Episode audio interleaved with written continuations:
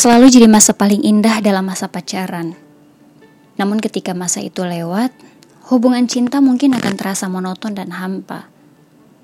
Terkadang hal itu hanya dirasakan oleh satu pihak saja, jadi saat kamu lagi sayang-sayangnya, ya mungkin pasanganmu lagi bosan atau sudah mulai bosan sama kamu.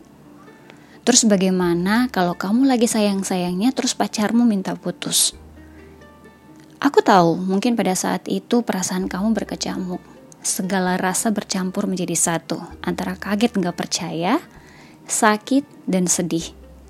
Tapi tetap ingat, kamu harus mengontrol segala sikapmu agar kamu tidak malu di kemudian hari. Ada beberapa hal yang harus kamu lakukan. Kamu cukup tarik nafas dalam-dalam dan kamu harus bersikap dengan tenang. Saat pacar kamu meminta putus, jangan berikan reaksi yang berlebihan Sebaliknya cobalah tetap tenang dan cerna setiap kata-kata yang keluar dari mulutnya. Sakit, tapi jangan biarkan emosi menguasai diri dan membuatmu mengatakan hal-hal yang tidak perlu. Hadapi situasi dengan perasaan yang tenang dan hindari terjadinya drama yang berkepanjangan. Kamu gak mau kan kalau hidup kamu penuh dengan drama? Karena reaksi kamu yang berlebihan hanya akan membuatmu merasa malu dan menyesal di kemudian hari. Yang kedua yang harus kamu lakukan adalah komunikasikan kembali. Jika pacar kamu minta putus secara tiba-tiba, kamu mungkin bertanya-tanya, ada apa yang sebenarnya terjadi? Coba tanyakan dia kembali, hal apa yang membuatnya melakukan hal itu? Minta kekasihmu untuk jujur sejujur-jujurnya. Dan sepahit apa pun alasan sebenarnya, kamu harus menerima apa pun jawaban yang ia berikan. Jangan mengelak, apalagi melawan. Perbanyak mendengar aja pada saat itu dan coba pahami apa yang ia maksud. Yang ketiga, terima keputusannya.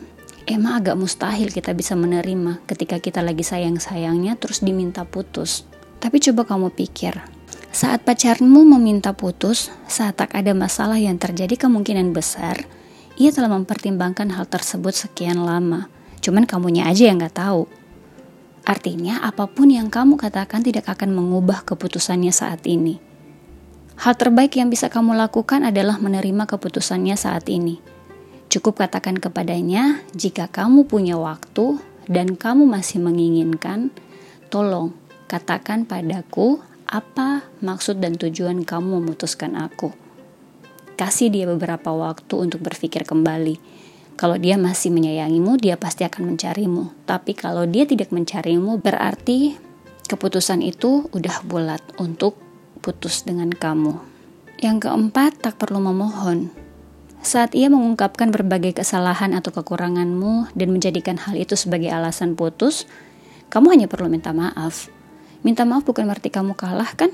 Apalagi bersalah. Namun tidak ada salahnya kamu meminta maaf karena telah membuatnya merasa kurang nyaman karena sifatmu itu. Setelah itu, kamu hanya perlu menanyakan, dia benar-benar yakin dengan keputusannya atau enggak. Jika dia tetap bersikeras untuk meminta putus, kamu tak perlu memohon untuk mempertahankan hubungan. Ingat, untuk nggak berlaku egois. Buat apa mempertahankan kalau pada dasarnya sudah tidak ada rasa sayang?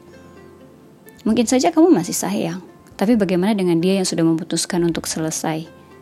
Tidak ada yang perlu dipaksa karena kalau masih sayang kata putus itu tidak akan pernah ada. Maka telan sakitmu dan temukan kembali bahagiamu. Ingat, dia yang mematahkan hatimu, berarti dia tidak pantas untuk kamu perjuangkan.